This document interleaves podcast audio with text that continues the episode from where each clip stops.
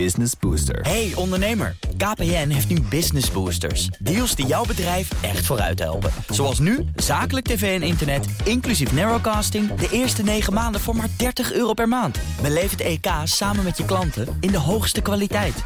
Kijk op kpn.com slash businessbooster. Business Booster.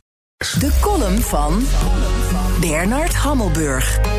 Tijdens de oorlog in Vietnam gaf een Amerikaanse militaire woordvoerder in Saigon elke middag om vijf uur een briefing voor de pers om gewacht te maken van de briljante prestaties van zijn krijgsmacht.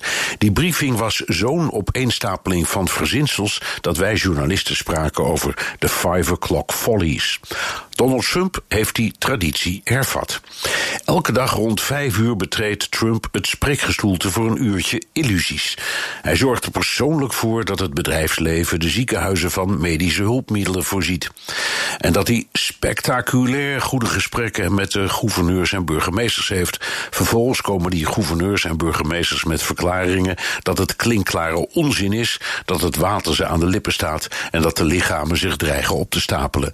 Trump verzekert zijn toehoorders ook van een op handen zijnde medicijn, waarvan zijn eigen medische experts dan zeggen dat het zover absoluut niet is.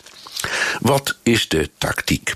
Denk even mee, want het is een prachtig lesje communicatieleer. Eerst zegt Trump: Ach, het valt wel mee. En we gooien Amerika met Pasen weer open. Hij weet dat het onzin is, maar de evangelische flank van zijn achterban, die ook best weet dat het onzin is, wil dat graag horen. Vervolgens verlengt hij de noodmaatregelen tot 1 mei. Tegelijkertijd waarschuwt zijn belangrijkste medische adviseur Anthony Fauci dat zelfs met voortdurende restricties het aantal doden kan oplopen tot 200.000. Maar zonder restricties worden het meer dan 2 miljoen. Dan pakt Trump de microfoon en zegt: Ik ben geniaal en de redder van miljoenen levens. De grote leider redt zijn volk van de ondergang. Hoe kijken de Amerikanen naar hun illusionist-in-chief? In één woord, enthousiast. In elk geval de Trumpisten.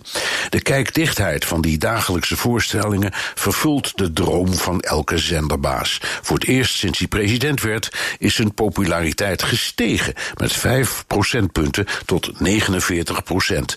Trump zwemt in zijn glorie als Donald Duck in zijn gouden munten. En hij voetert journalisten uit die hem wijzen op zijn belofte enkele weken geleden dat het virus binnen de kortste keren zou verdwijnen.